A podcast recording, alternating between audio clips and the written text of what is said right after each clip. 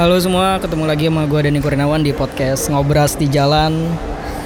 Em, episode kali ini buat nutup akhir tahun kalian, asik. buat nutup akhir tahun, jadi em, gue saat ini ada di Coffee Bean Gandaria City. Harus disebut dulu nama ini ya, biar kesannya gue kayak di endorse gitu kan. Padahal enggak.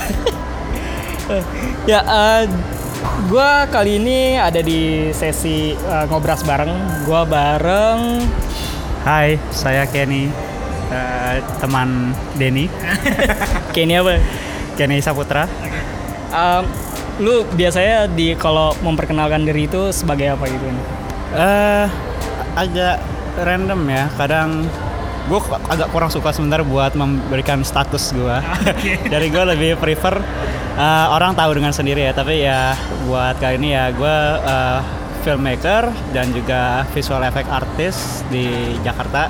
Ya kerjaan gue ya dari judulnya kalian bisa tahu lah. Jadi em, setelah kita gak ketemu sekian lama gitu sih, kita eh, gua gua sama Kenny dulu tuh eh, pernah dalam satu satu apa namanya satu kantor gitu. Jadi ya waktu itu Kenny, oh ya kan eh, gimana kabar sih kan Eh, buat pembukanya gitu? ah, gimana? gimana kabar lu? Kabar gue lu baik luar biasa. eh, eh, Ken, lu selepas dari yang tempat itu ya kan deh. Sekarang kesibukan lu ngapain kan? Eh sibukan gue sekarang lebih tepatnya ya freelance ya. gue freelance buat eh, company profile, iklan. Tapi juga kadang gue lagi bikin-bikin project kecil-kecilan buat bikin short film.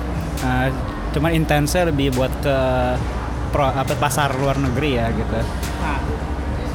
Ah, kenapa kalau emang market lokal tuh gimana kan daripada market luar? Eh gimana ya? Sebenarnya market lokal sih nggak ada nggak salah.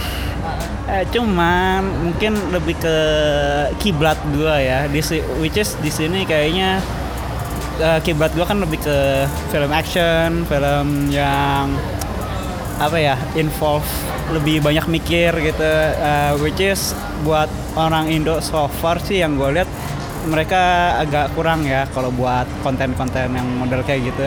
Lebih prefer yang eh, drama cinta atau enggak yang komedi ya komedi yang enteng sekali lah kalau bisa dibilang. Nggak nggak ada salahnya sebenarnya kayak gitu cuman eh, itu balik lagi sih ya ke standar gua sih ya lebih lebih lebih diapresiasi sama kalau lo ke market luar atau gimana? Apresiasinya lebih tinggi Oh, kalau dari apresiasi dibuat luar sih ya pasti lebih tinggi sih ya jatuh-jatuh enak ya. Soalnya juga eh, mungkin gue pernah ikut lomba juga sih lokal cuman nggak dapet pengakuan juga. pas tapi pas gue coba yang eh, internasional eh, nggak menang sih tapi setidaknya eh, dapet title best visual effect gitu. Eh, which is itu kan lumayan sih buat Iya. gue sih dapat pengakuan gitu. Um, Oke, sebelum masuk ke film pendek lu dan uh, lebih jauh, gue mau nanya dari awal lu kan, um, lu biasanya nggak ada di film sama sekali, nggak ada nggak ada apa namanya kayak jurusan seni atau editing dan lain-lain gitu. Lu kan lu uh, graduate dari jurusan TI ya nggak salah ya? Atau nah lu gimana tuh uh, survive-nya buat lu emang emang salah salah jurusan nyasar gitu atau memang pas lagi kuliah nah gimana ceritanya sampai sekarang nyasar lo tiba-tiba jadi jadi demen sama uh, ya industri film gitu-gitu Ah, gimana ya? Eh, awalnya kuliah sih sebenarnya nggak ada pikiran buat masuk beginian sih ya. Soalnya juga lihat dari cici gue juga kuliah di UPH, jadi bokap gue yaudah UPH aja dah. Ya udah masuk aja. Namanya juga orang belum tahu ya mau jurusan apa. Cuman eh, pas lagi zaman SMA sih gue lagi demen-demennya sih bikin kartun animasi dan gue pikir Nah itu kan ada beberapa coding-coding. Nah gue pikir oh mungkin ini masuknya ke IT soalnya animasinya ada beberapa coding-codingannya gitu lah semacam bikin game. Tapi pas gue masuk ke IT kok begini ya? Kayak beda banget dari yang gue pikirkan dan which is semuanya isi coding-codingan yang bikin kepala gue mau pecah sih. Jadi lu lu kurang kurang bekal lah ya istilahnya. pas pas lu belum milih jurusan kuliah bekal lu kurang kurang banyak. Iya, buat IT gue kayak ngerti sih ngerti, baca sih bisa, ngoding dikit-dikit bisa. Cuma kalau suruh bikin dari mentah, waduh, itu kayaknya angkat tangan deh gue. Habis itu mulailah teman gue ngajakin, yuk ada semacam ekskul ya di UPH dulu buat fotografi gitu. Ya udahlah cobalah iseng-iseng, eh ya seru-seru juga gitu main-main kamera. Habis itu nggak lama kemudian ada yang main After Effects gitu. Oh, gue lihat dia bikin dari teks pa jadi pasir ya sampai dua jam katanya bikin. Iya. Gue penasaran, hah dua jam yakin nih gitu. Pas gue cobain sendiri, mau mati, gue bener dua jam lebih. Itu nggak nggak buat buat lu lebih males lagi buat ngedalamin kayak gitu ya. Ah, kebetulan gue nemu website yang pas ya, jadi Nah, apa tuh webnya? Uh, reference lu, reference. Itu uh, web reference lu dari dulu sampai sekarang atau gimana? dari dulu sampai sekarang orang sih harusnya tahu ya video copilot sih ya. Oh iya ya. Nah itu pasaran ya orang After Effects pasti udah tahu semua lah ya. Eh, ya udah dari situ gue kepincet deh gue tiap hari gue bikin eh, ngikutinnya tutorial dari situ saking demennya demen-demen cuman eh gue sempat ke hold juga gara-gara udah lulus gue ya mesti cari kerjaan lah jadi gue agak kehambat di situ buat nerusin apa yang gue sukain itu Terus eh, selepas udah mulai masuk ke Hexa yang which is gua ketemu Denny, di situ mulai belajar-belajar lagi dikit-dikit tapi nggak belum intens lagi. Cuman ada lah kepake gitu. Dan which is gue lebih seneng karena apa yang gue pelajarin bisa gue pakai gitu pasti industri buat apa namanya iklan kayak gini. Dan em, abis lo dari situ, lu kan ada bikin-bikin film pendek kayak gitu ya Ken ya? Nah ada beberapa yang lu lu boleh cerita nggak nih kan uh, beberapa film-film pendek lu yang yang udah lu bikin kayak Johnny Johnny Gaok terus uh, sama lagi kayak cukup banyak ya yang lu bikin dan filmnya benar-benar uh, dibilang film pendek memang benar-benar pendek ya di bawah lima menit. Eh, Eh, ceritain dong Yun, eh, film-film pendek lu dari mulai Johnny Gaok terus eh, kayaknya yang terakhir ada ada juga lu yang orange gitu. Gue lupa deh namanya apa. Oh itu Johnny Runner. Cuman Oh ya Johnny Runner. ya cuman yang itu gue masih hold dulu ya itu. Oh, belum. Ya soalnya visual efeknya terlalu banyak, pusing gua ngerjainnya sendirian. Jadi mungkin masih tahun depan lagi gua kelarin lah. Oke, berarti lu lu bisa cerita dari yang tahun ini lu bikin deh yang buat channel YouTube lu. Kalau tahun ini, tahun ini ya pas pertengahan ya kira-kira bulan Agustus ya itu gue bikin yang uh, Nothing Left ya. ya sebenarnya sih idenya tuh gue gara-gara abis main game Nothing, eh bukan Nothing ya, uh, The Last of Us. Nah, which is itu gue demen banget story lainnya, story-nya semua. Nah, mungkin bisa gue ambil beberapa dan gue modif-modif sedikit lah kurang lebih dari situ. Nah, yang di film ini gue iseng-iseng aja sih uh, masukin buat ke lomba dan gue gua nggak berharap menang juga sih. Yang gue harapin menang justru yang Johnny. Tapi, Lomba lomba apa nih kan? Lomba apa? eh, my my road rail tahun depan juga mau keluar lagi sih adanya. Jadi tiap tahun ada. Oke.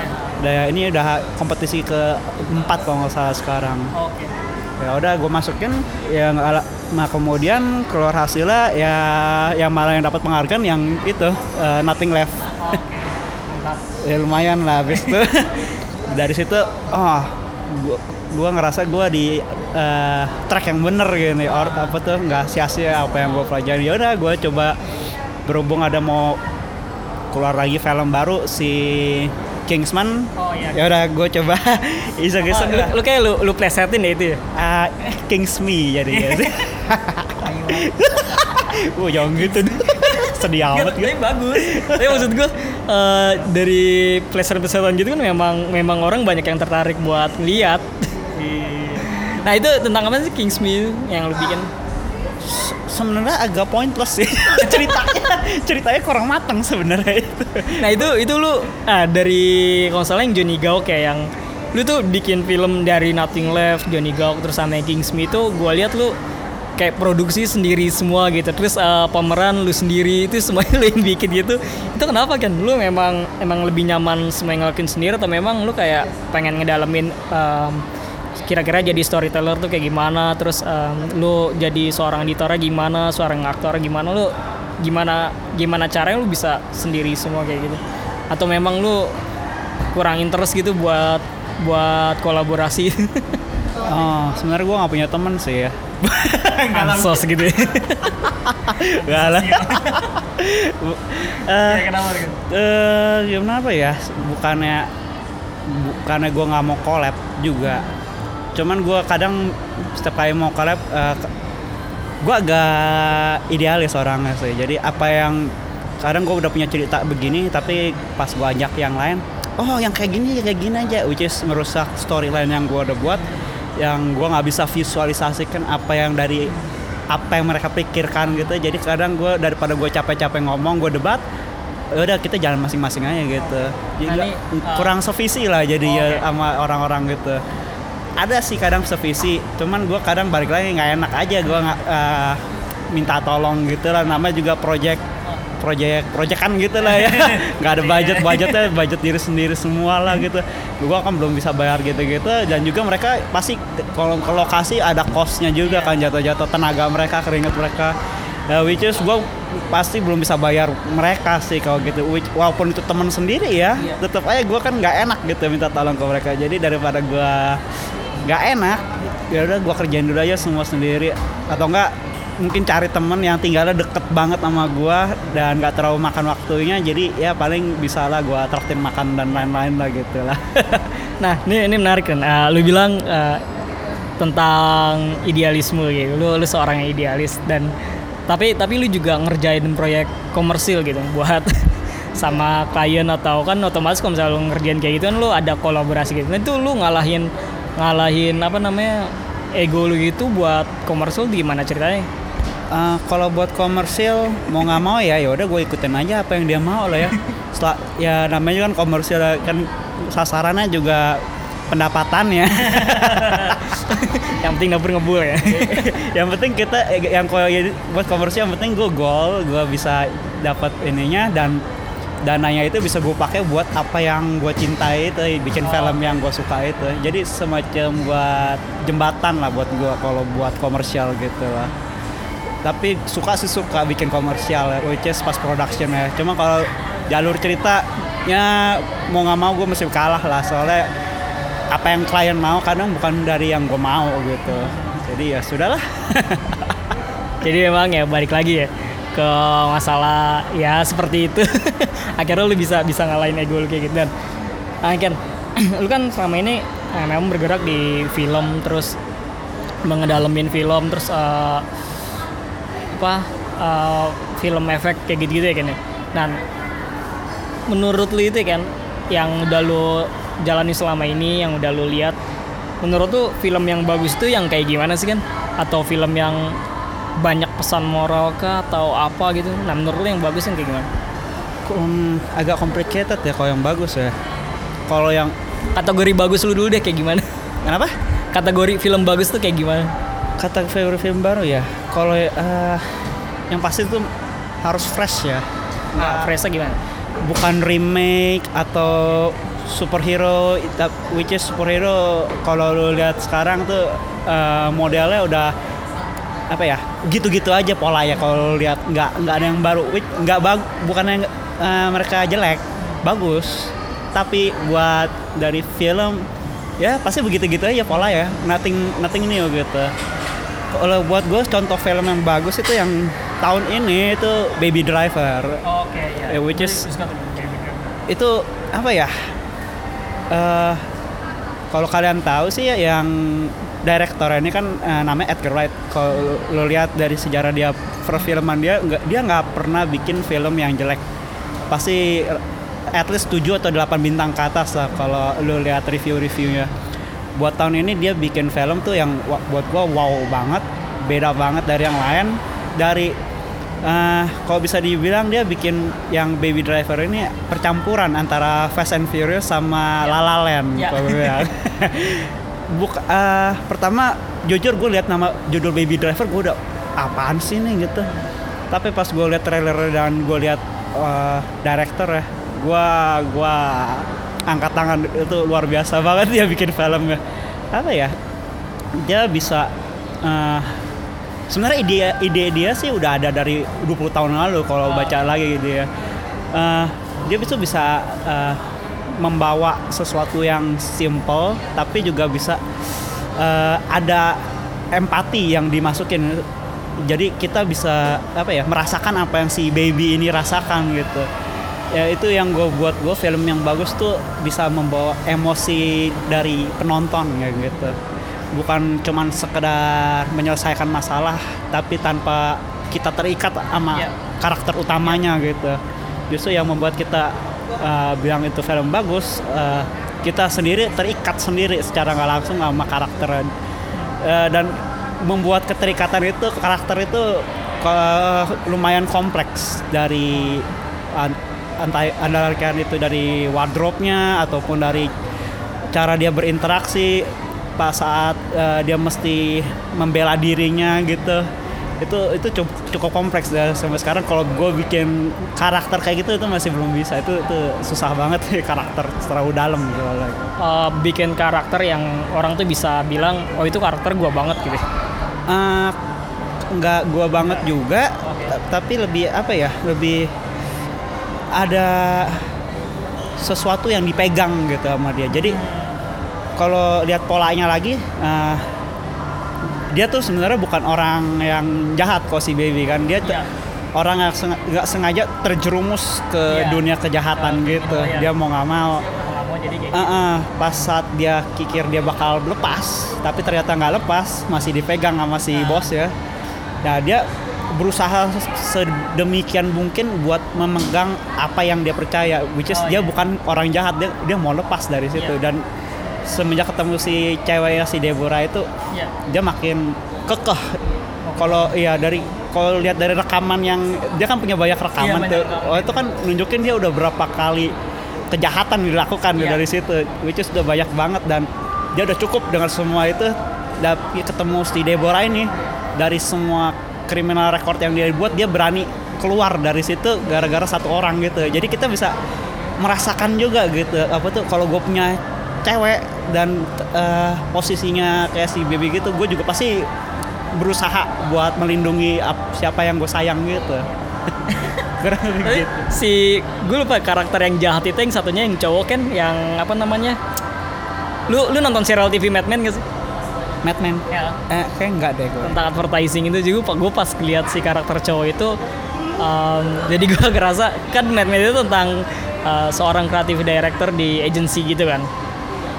Nah gue gue kayak ngerasa nonton itu ini orang agency orang desain terus tiba-tiba jadi orang jahat ya. eh terus eh, apa namanya soundtrack juga nggak lepas dari zaman dulu zaman dulu ya. Sekarang kayak eh, musik-musik tahun 70 80 tuh kayak naik lagi gitu. Di Baby Driver itu gue nemu eh, Commodores ya yang band dulu Lionel Richie terus yang nggak nggak cuma Baby Driver sih kayak Thor ya Thor 2 oh, Kingsman juga pakai pakai musik 70 80-an gitu. Nah menurut lo gimana sih kan Menurut gua musik zaman dulu Emang- le- emang le- lebih bagus ya. Menurut gua sih lebih bagus dibanding lagu zaman sekarang ya. Eh, in fact ya, gue sekarang sih masih lagi dengerin lagu tahun 80 90-an lagi Oh, iya. dibanding lagu-lagu sekarang. Which is eh, nggak bi- nggak bilang lagi sih ya nggak bagus, eh, nggak jelek gitu. ya mungkin eh, ya nggak nggak bagus sama jelek nggak bagus nggak jelek juga. Cuman apa ya?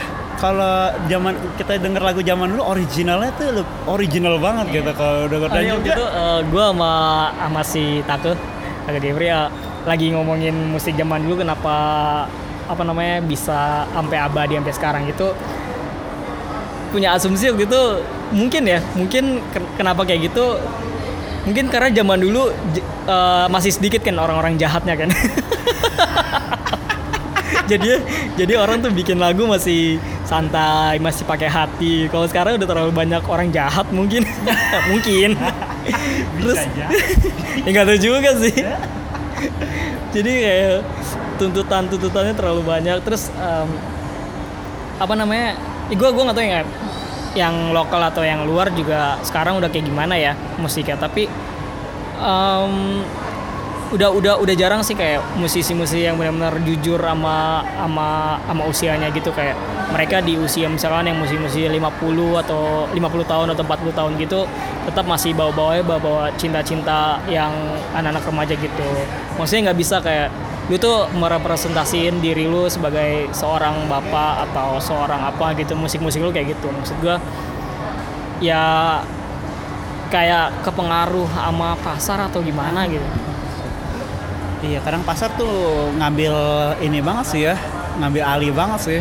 Kalau ya secara ini sih nggak nggak salah juga ya, namanya juga sesu membuat sesuatu di pasaran tuh buat sesuatu yang menghasilkan gitu ya. Kalau nggak menghasilkan ya nggak ada di pasar gitu. tapi kan misalkan dan uh, 10 tahun kemudian gitu kan lu ada di posisi yang udah udah udah udah enak lah sebagai filmmaker gitu terus lu um, akan akan membuat kemauan pasar membuat film kemauan pasar yang sebenarnya uh, jauh dari dari bayangan lu sama sekali terus jauh dari visi visi lu yang selama ini lu impiin atau uh, itu lu terima atau memang tetap uh, di jalur lu gitu lu bikin bikin bikin sesuatu yang lu pengenin dari dulu gitu.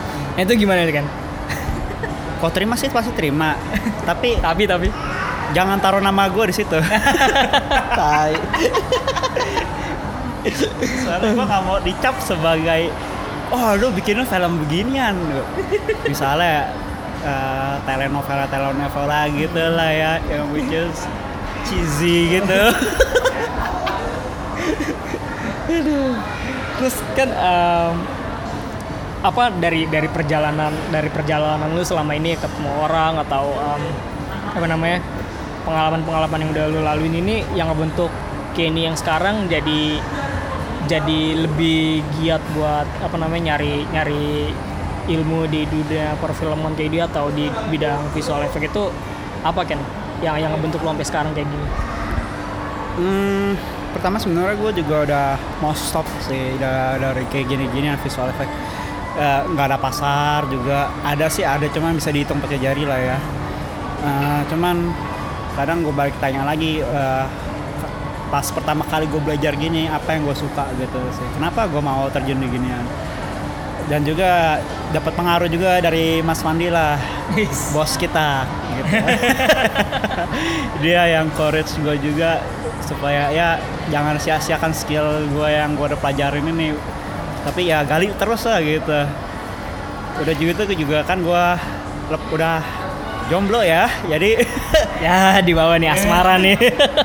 Susah nih kalau udah asmara nih. Kenapa kan? Oh, kenapa dibahas asmara?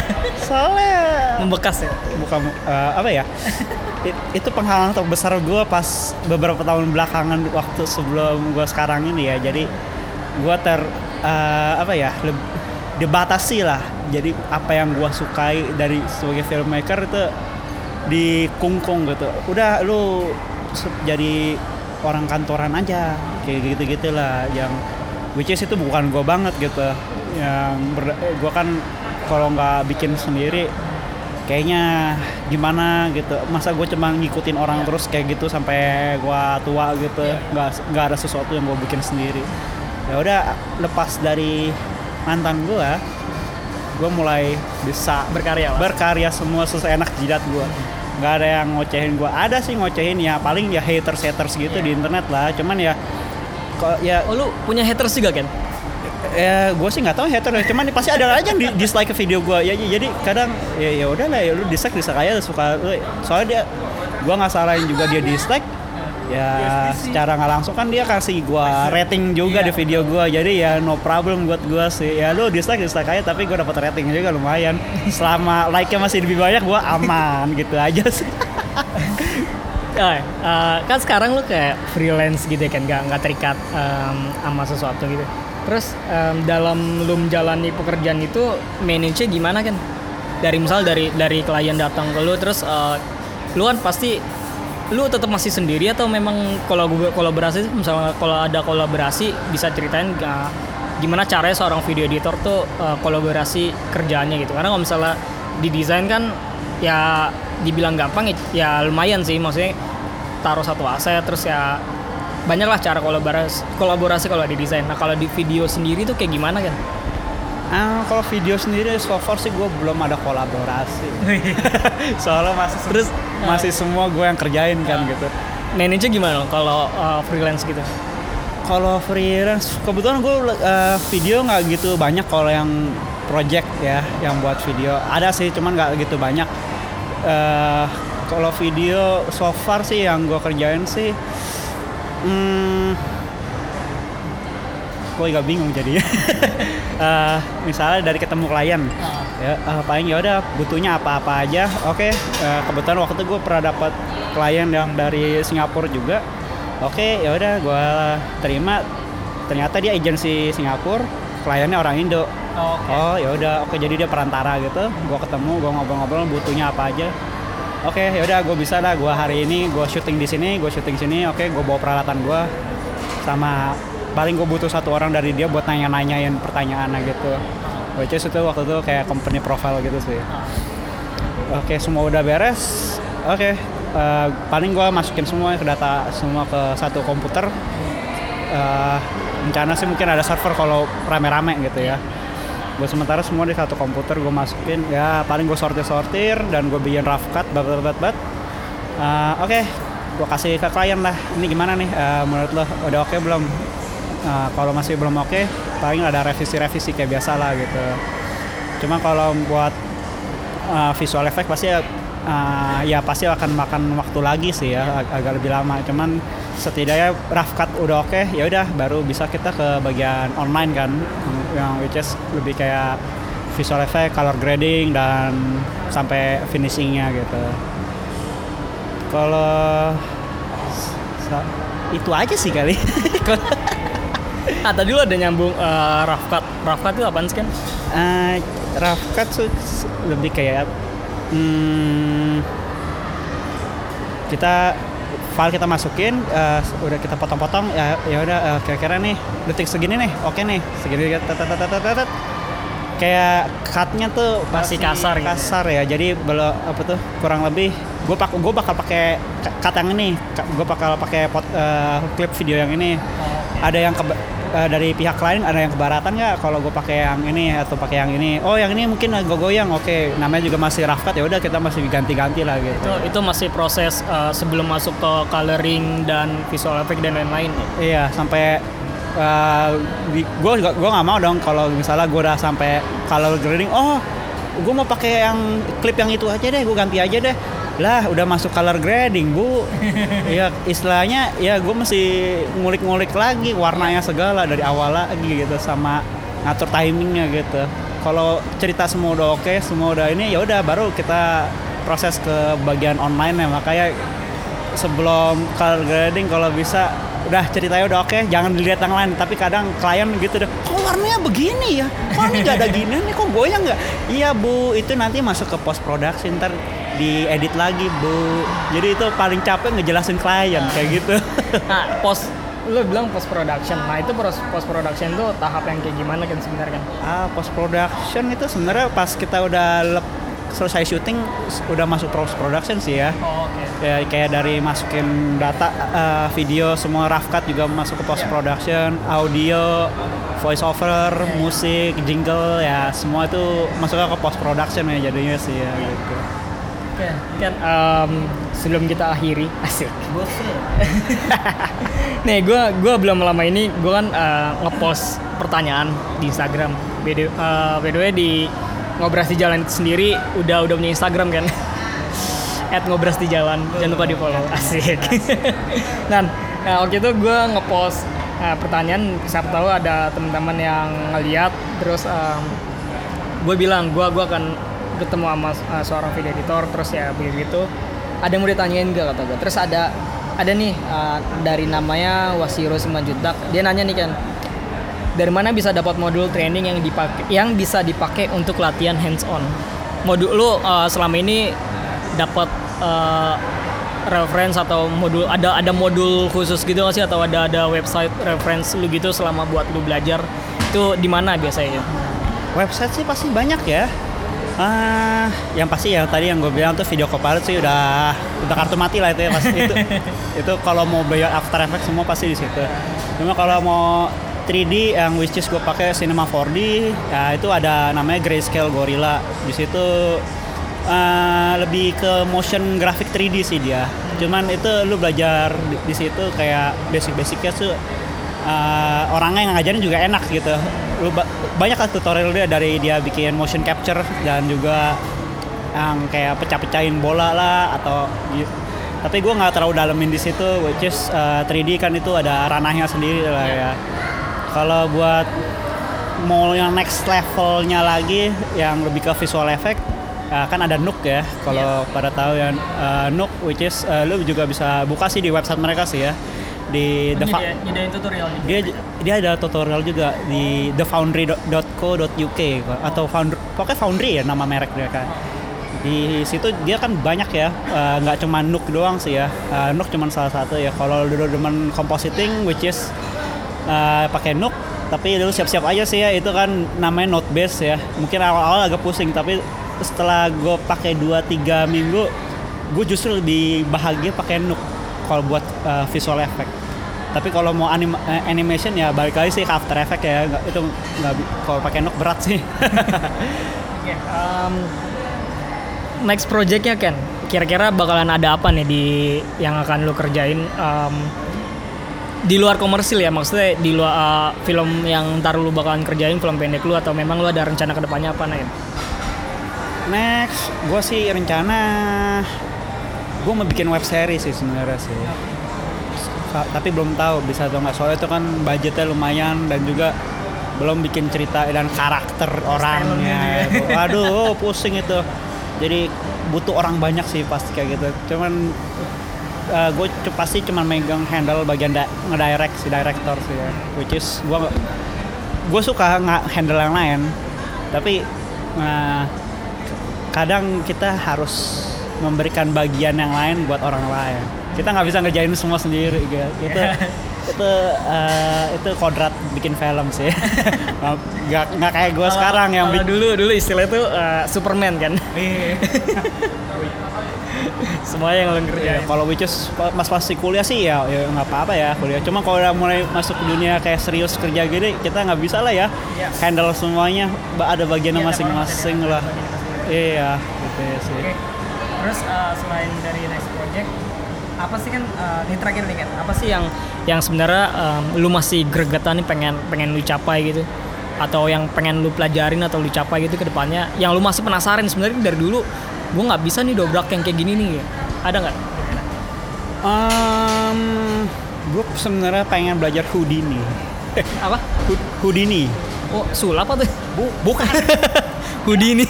Gue tuh Houdini pesulap. iya, namanya sih pesulap boleh.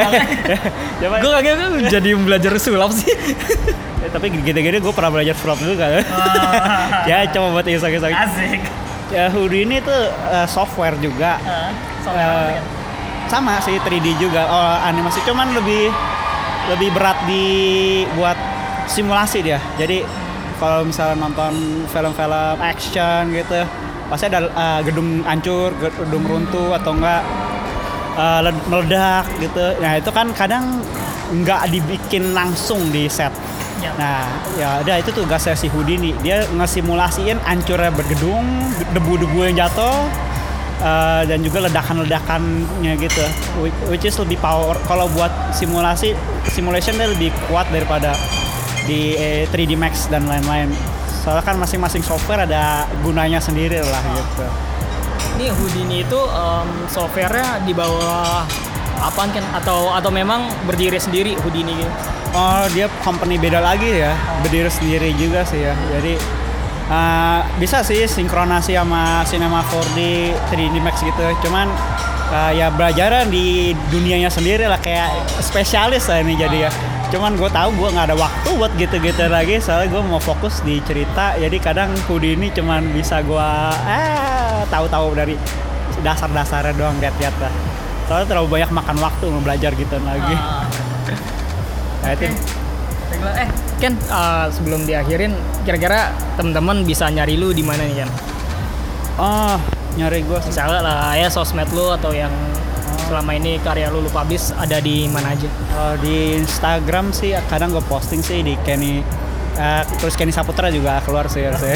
atau enggak di YouTube gue tulis saya Kenny Saputra juga ada atau web kadang tapi website gue gue eh, lebih buat komersial sih jadi itu jarang gue update aja sih. Paling iya YouTube sama Instagram gue sih. Bendera lu bendera? Bendera apa ya? Ba- Eh, eh? eh, absolute. Oh Absolute Nine oh, itu buat komersial gue Oh, gitu komersial. Eh, buat cuma kadang nanti kalau bikin bikin short film ya visual effect under Absolute Nine lah kayak gitulah jadi istilahnya gue punya satu merek lah Eh. gitu Uh, Ken, thank you banget Ken udah mau nyempetin hadir dan uh, lu ada yang mau lo omongin nggak nih terakhir? Ah, ah, apa ya oh paling eh, kalau yang mau berkarya ya jangan takut ya soalnya kadang tuh ketakutan tuh yang membunuh kekreativitasan kita lah Oke, gitu oke, oke. Oke, oke Ken, uh, thank you Ken. Uh, um, apa namanya? Um, jangan lupa untuk follow di Ngobrasi Jalan, at Ngobrasi Jalan atau di SoundCloud atau di iTunes. Oke, uh, sekian dari gua dan Gini. Uh, sampai jumpa semua. Dadah. dadah thank you